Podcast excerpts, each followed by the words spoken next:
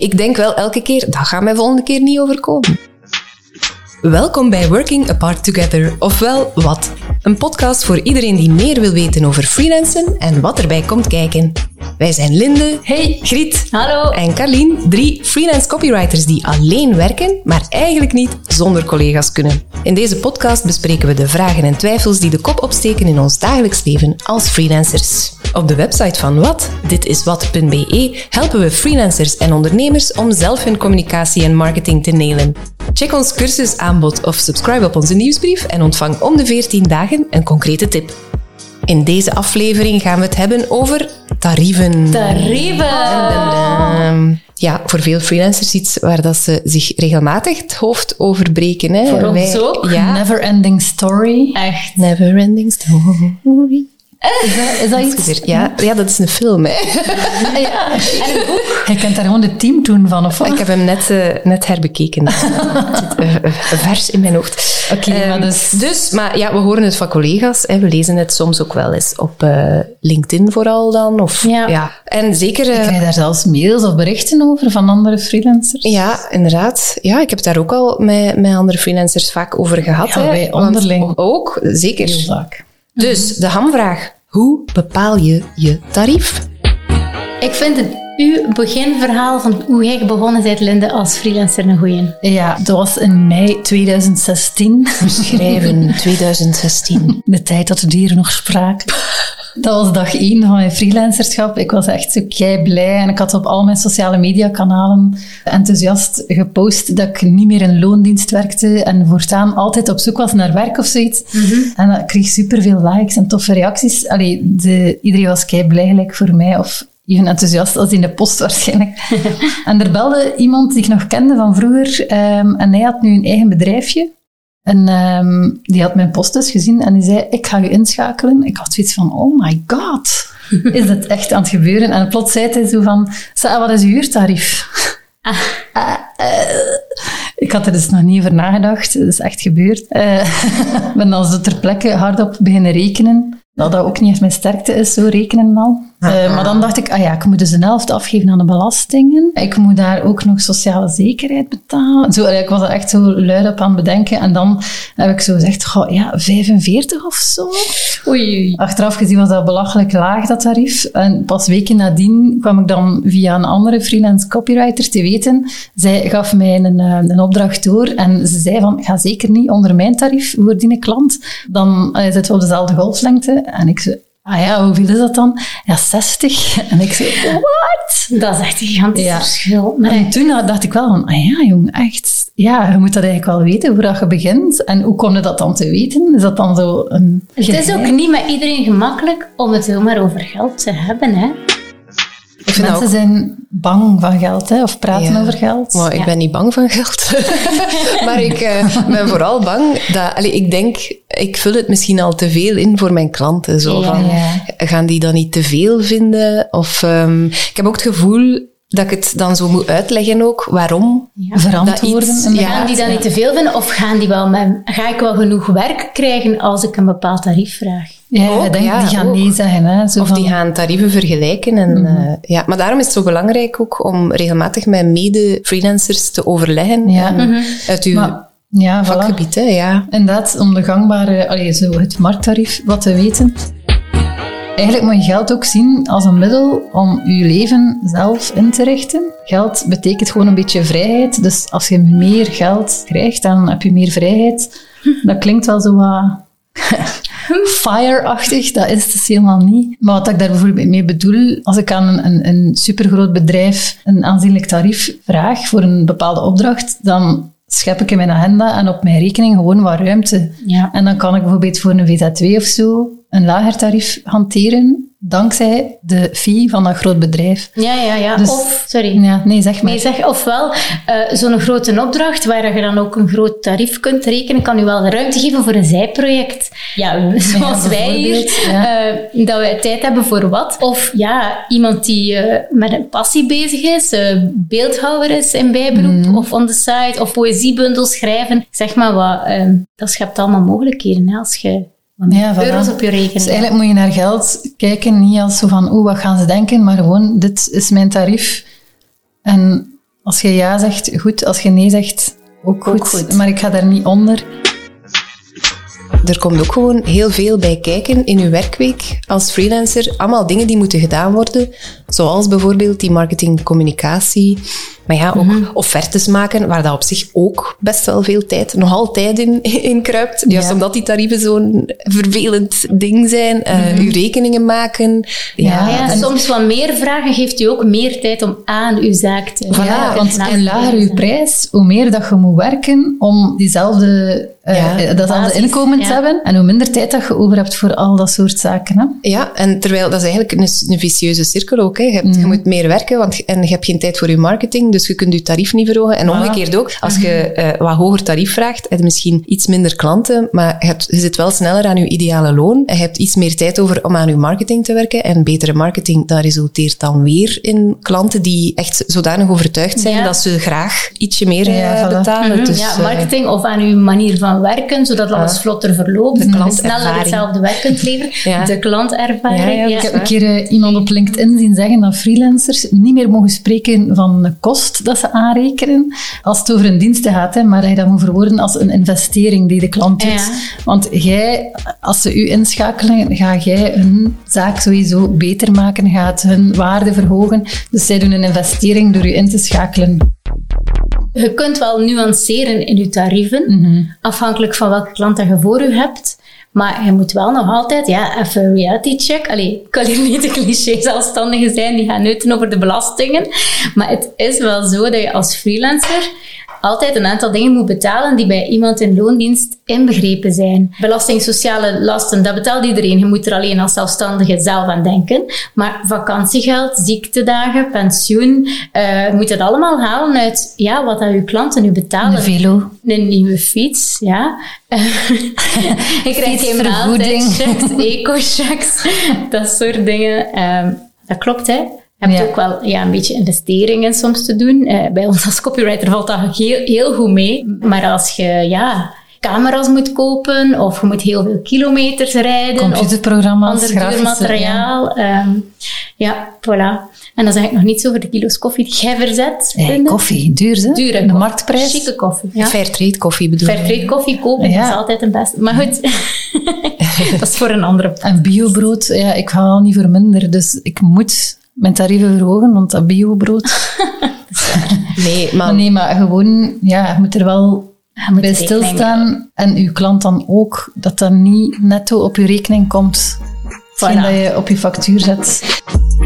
Andere mensen linken ook wel een waardeoordeel aan een geldbedrag. Hè. Als iets Dat te ook, goedkoop is, als ik iets zie, kleren of gelijk wat, en het is verdacht goedkoop, dan denk ik van, dat gaat niet lang meegaan. Dat gaat brol zijn. Wel, ik lever zelf ook geen brol, dus ik wil ook niet te goedkoop zijn. Ja, ja Ehm, dat is waar. dan word je niet naar waarde geschat. U werkt niet en jijzelf eigenlijk ook niet. Je had toch haar eens iemand dat een offerte Ja, gevraagd? ja, ja, ik hoorde van iemand die inderdaad een offerte had gevraagd bij verschillende reclamebureaus. En die ook inderdaad zo bij de goedkoopste offerte het gevoel had van huh, zo'n prijsverschil met die andere bureaus en dat ligt zo laag. Die, Ah, die hebben zeker mijn vraag niet goed begrepen of dat gaat... Ja, dus dat, is, dat speelt wel degelijk een rol ook. Mhm. Hey, dat heeft een, een, echt een invloed op hoe dat mensen hun werk Mhm. Iemand die, zien. Hè, ja. een klant van mij die in consultancy zit, die haalde ook zoiets aan. Ze, had, ze zei van zelfs klanten die eigenlijk zelf geen supergrote budgetten hebben, hebben minder vertrouwen in een consultant die opvallend goedkoper is dan de andere. Want ze denken de kwaliteit gaat even laag zijn als tarief. Ook zelf moet je je werk waarderen, want je kunt bijvoorbeeld zeggen, ah ja, aan deze tekst of aan deze opdracht eh, werk ik drie uren, maar hoe komt dat dat je daar maar drie uur voor nodig hebt? Omdat je natuurlijk superveel ervaring hebt, heel snel kunt werken, al is het nu schrijven of monteren of whatever, Ja, of of- tekenen. Alles wat je ondertussen geleerd hebt, Ja, ja, voilà. ervaring of cursus. Eigenlijk betalen ze ook mee voor... Allee, dus de, de snelheid waarin dat je dat kunt opleveren, dat is iets dat jij ook geleerd hebt. En dat is ook iets waard, hè?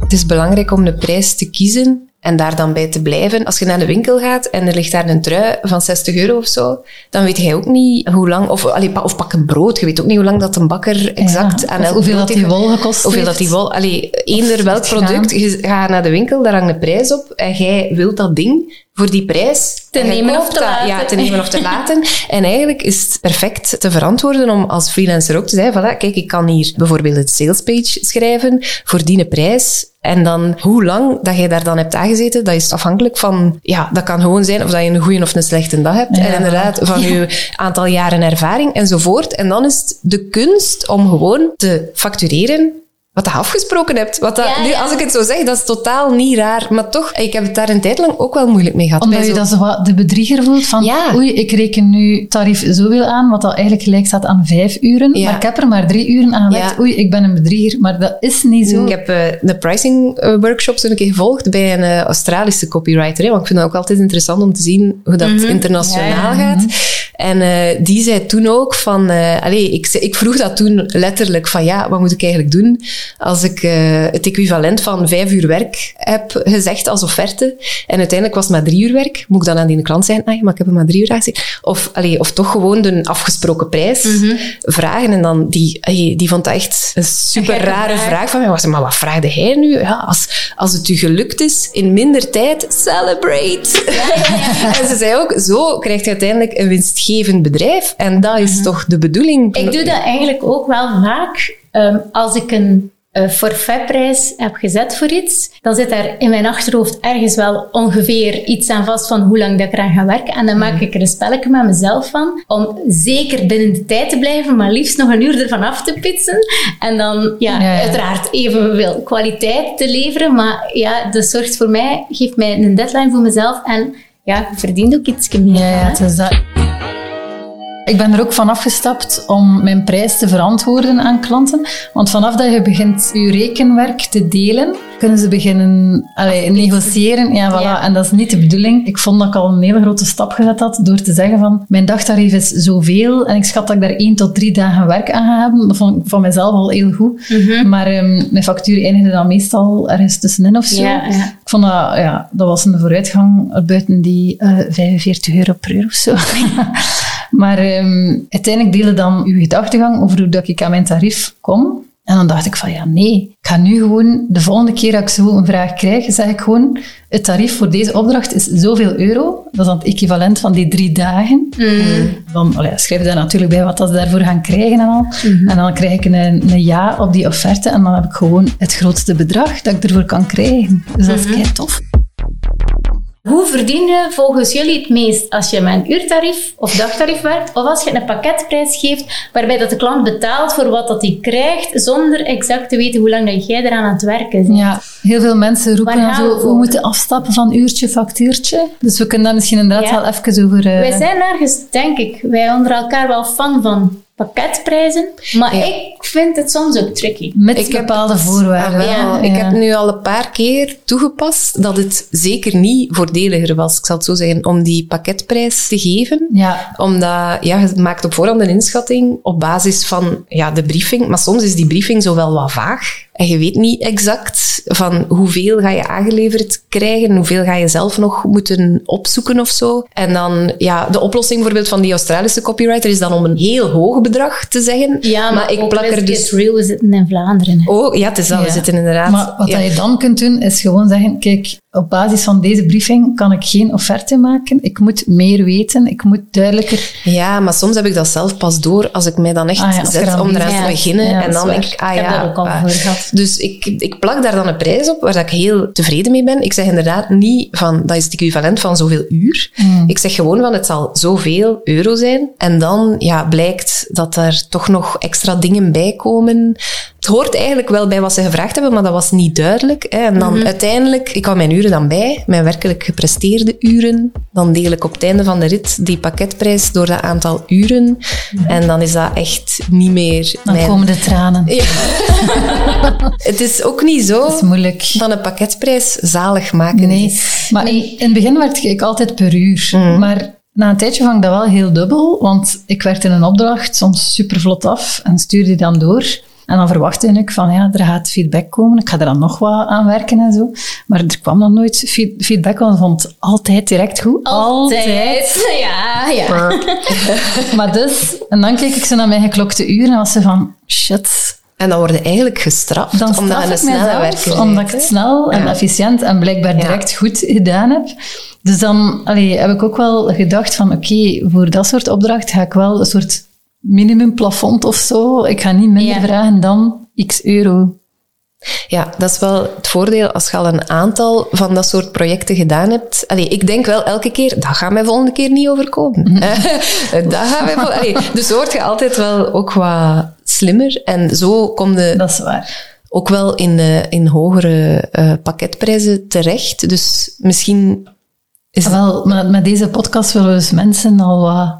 allee, dus dan hoeven ze dat niet te doorlopen, heel die struggle. Ja, Ja, Kunnen ze voilà. al van eerste keer een hogere pakketprijs Een pakketprijs, dat vertegenwoordigt ergens wel een aantal uren, eh, Mhm, ja. maar tegelijk ook weer niet of zo, omdat er is ook een waarde die de klant in ruil krijgt. En Mhm. daarom is het dus, naast al die dingen waar dat je rekening moet mee houden, moet je ook wel kijken naar wat is het project.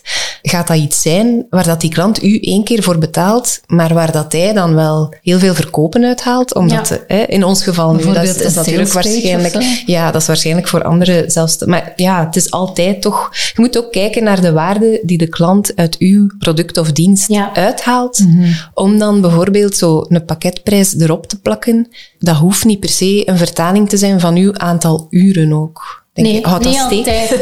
Ja, Ja. Er zijn er iemand, je moet gewoon je prijs berekenen en dan 20% erbij doen. ja, en ik heb ook eens gelezen, Dat werkt ook, hè? je moet er naar streven dat 10% van de mensen die een aanvraag doet, zegt het is te duur. ja. Als- is het te goed. Dat heb ik ook al gehoord. Als Ah, iedereen uw opdracht, als iedereen uw offertes aanvaardt, dan zijn het te goedkoop. Ja, ja, Ja. is dat. Ik wil wel nog even, hè, misschien een belangrijke side note, want we zitten hier altijd met mensen te motiveren om wordt, wordt de gauw wat duurder en verdien meer geld. Maar pas op, hè, eh, je ziet tegenwoordig veel mensen op social media streven naar een onrealistisch inkomen of u laten denken dat dat moet. En op LinkedIn, iemand die ik niet ken, Peggy van der Oude, had daar iets over geschreven. En ik vond dat supergoed, want Ja, die vijf cijfers per maand verdienen, dat lijkt wel een maatstaf voor succes. Zoiets schreef zij, maar ze had het opgezocht. Het gemiddelde maandelijkse netto-inkomen in Vlaanderen van een gewone werknemer is ongeveer 1900 euro. Dus we moeten ons niet laten opjutten door van die pep-talk over vijf cijfers. Als je geld genoeg verdient en vooral als je met je werk veel plezier hebt, dat je klanten hebt die je waarderen, eh, dat je uitdagingen uit je werk had, dat je kunt blijven bijleren. Dat is ook rijkdom? Even, Ja, dat is ook wel belangrijk. Maar als je heel bewust weet van dat gaat een opdracht zijn waar ik superveel plezier aan beleef, maar een budget is allee, beperkt en komt bijvoorbeeld niet overeen met wat dat hij in gedachten had, ja, kan dat plezier dan een doorslaggevende factor zijn? Ik, ik, vind, ik denk van wel. Ik denk het ook. Ja. Ja. Ik had ook daarover iets interessants. Iemand die, eh, een luisteraar, Geert Max, Marks, Geert Marks, een freelance software developer, die zei dat hij er altijd naar streeft dat hij zichzelf terugverdient voor zijn klanten. Je denkt met hen mee, maar als zij van u iets vragen waarvan dat je denkt dat is eigenlijk geldverspilling, dan ga je het dan ook eerlijk zeggen. En als jij zelf een idee hebt dat hen iets meer kost, maar wel super nuttig is, wat hen dan weer extra andere resultaten oplevert, dan ga je het ook zeggen. Dan gaan je klanten ook geneigd zijn om daar u te volgen. Dus ik vond dat een heel goede tip. Ja. Jezelf terugverdienbaar maken. Dank u, Geert. Nog iets dat we misschien ook wel moeten vermelden, los van uurprijs, pakketprijs, hoe dat je je prijs ook bepaalt. Wij verdienen ook wel iets meer omdat we ons als creatieve freelancer voor een stuk een auteursrechten laten betalen. Dat is ook wel een Ah tip ja, voor. Ja. andere copywriters, vormgevers, fotografen enzovoort. Hè. Ja, eigenlijk iedereen die uniek werk maakt, hè, die, Klopt. dat is toch Ja, de ja, ja. insteek. Ja, en dat is wel interessant, hè, want auteursrecht wordt veel minder belast dan eh, de gangbare eh, facturen. Ja. Waardoor dat je netto een hoger bedrag Heel wat eh, ehm, creatieven weten wel van dat is iets, die auteursrechten. Maar normaal gezien is dat heel gedoe voor je klant. Die moet dan dat stukje auteursrechten moet die dan op een andere plek in de boekhouding steken en daar ook nog een keer zo een of andere voorheffing of zoiets op betalen. Roerende voorheffing. Roerende Ja, voorheffing, oké, roerende voorheffing. dus die, echt waar, ik ben totaal slecht met administratie. Maar ja, dus ik, ook. zou die En ik hoor roerende voorhef en ik denk, Ik, ja, ik, ik, ik vlucht krijsend. Maar Ja, ja, ehm, nee. ik zou die moeite gewoon echt niet doen. Maar dankzij Creative Shelter, we moeten het toegeven, is dat gewoon super gemakkelijk. Ja, die, die fungeren als een tussenpersoon. In feite, die nemen heel dat gedoe over. Ja. Werkt geweldig. En het is ook echt ontstaan. Allee, de, de initiatiefnemer ervan is een boekhouder die merkte dat zijn broer, die grafisch vormgever is, superveel geld liet liggen omdat hij zich niet aan auteursrechten liet betalen. Dus ik vind dat ook wel een heel tof verhaal dat dat Ja. echt ontstaan is onder broers. De ene broer vond, allee, jij kunt toch echt veel meer geld verdienen? Wij hadden zo'n gedoe. Ja, en dan is oh, ik kan me dat... zo voorstellen. Zo. Ja. Ja, en zo is dat ontstaan. Tarieven verhogen heb ik bijvoorbeeld eind vorig jaar gedaan. En het was ook wel een, allez, eind vorig jaar medegedeeld. Het is nu natuurlijk een heel dankbaar, mo- ja, dankbaar klinkt zo raar, maar het is een goed moment, want het leven is duur en iedereen weet dat het duur is. Dus ik heb Ja. wel het gevoel, ik zou het anders precies meer willen uitleggen of zo. Terwijl dat, dat heel gangbaar is. Ja, Veel ja. mensen eh, verhogen jaarlijks hun tarieven ook. Dus, Het brood bij de bakker en een pak friet en zo, dat wordt ook elk jaar duurder. En de, de indexering van de lonen, allee, Ja, de Ja, loondienst. dus dat- maar wat is Dat is- de handigste manier om daarover te communiceren? Over tarieven in het algemeen, over het verhogen? Eh, Wat zijn jullie trucjes? Gewoon duidelijkheid. Eh, eh, en redelijk, de, niet rond de pot draaien, de klant duidelijkheid geven. Ja, met een nieuwe klant ook open en eerlijk en redelijk snel en meteen over uw tarief te praten. Maar dat hoeft niet. Hè. Als Dan het is een dat geen- pakketprijs is, moet je niet over je tarief praten. Nee, maar ja, of over de kostprijs praten, dan is dat ook geen elephant die daar blijft in die room rondhangen. Ah, vervelende elephant. Echt. Ja. Dat is waar. Maar het is niet gemakkelijk. Hè? In het begin allee, stond ik daar ook zo te stotteren. Maar het wordt wel minder eng door het vaker te doen. Bij nieuwe klanten vind ik het ook oké ondertussen om mijn uitgestreken gezegd een hoger bedrag te noemen ja, ja. dan bij bestaande klanten. Maar bij bestaande klanten prijzen verhogen, oeh. Dat is, dat is moeilijk. Dat is. Ik doe het wel. Ik doe dat wel één keer per jaar. Of als de samenwerking vernieuwd moet worden op een of andere manier. ja. dan ga ik naar een hoger bedrag. Maar en dan, toch ja, vaak nog te schoorvoetend naar mijn goesting. Zo. ja, of zo bijna vragen, is dat dan goed voor Ja, u? ja, dat, Ja, terwijl wel, eigenlijk- dat is niet nodig. Eigenlijk. Ik zeggen, type dat altijd vanaf en- januari is mijn tarief X, of ze zal een blog Y kosten, zonder te vragen, oké. Maar ja, natuurlijk, eigenlijk moet je hun altijd ook wel de keuze laten. Als dat niet meer goed is voor jullie, ja, laat dat weten, dan is het... Dan weet ik dan het ook en dan stoppen. de samenwerking. Allee, anderzijds, als je die klanten dan, als je al langer voor hun werkt, je kent hun, je kent hun missie en hun product supergoed, het feit dat zij je niet elke keer opnieuw moeten brieven, Precies. is ook wel iets waard. Hè? Ja. Dat- allee, en het feit dat je echt kunt meedenken over het, de zinvolste manier om iets te presenteren of zo. Ja, voilà. Dus, Maar ik denk dat dat allemaal dingen zijn die je gemakkelijk uit het oog verliest, zo een keer dat je bezig bent. Plus, ja, Je, moet, je moet het niet verantwoorden. Wat jij daarnet zegt, Carlien, van bij de bakker, een brood kost zoveel, punt. Allee, Ja. internet, de internetprovider, die stuurt ook gewoon een mailje met een mededeling.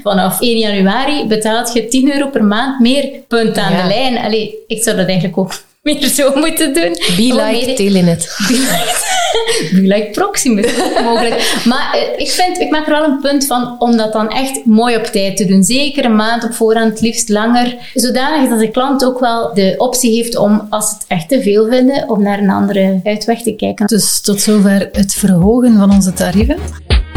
Even samenvatten misschien. Het is echt belangrijk dat je je bewustheid van je kosten, je reële kosten en de waarde van je werk. En aan de hand daarvan bepaal je je prijzen, zonder bang te zijn dat je te duur gaat zijn om klanten te vinden. Daarnaast moet je bekijken wat is het interessantste en het comfortabelste voor jezelf om een uurtarief of een dagtarief te rekenen of of je pakketprijzen gaat maken die de waarde van je werk weerspiegelen, los van het aantal uren dat je eraan besteedt. En dan communiceren, dat is een stokpaardje niet voor niets, maar het is ook gewoon zo, als je duidelijk daarover communiceert met je klanten en ze regelmatig durft verhogen zonder daar al te veel verantwoording aan te geven, dan ja, zijt je op de lange termijn beter af. Hoe moeilijk dat, dat ook is, hè. daarover communiceren. Sans gêne. Ja, sans gêne.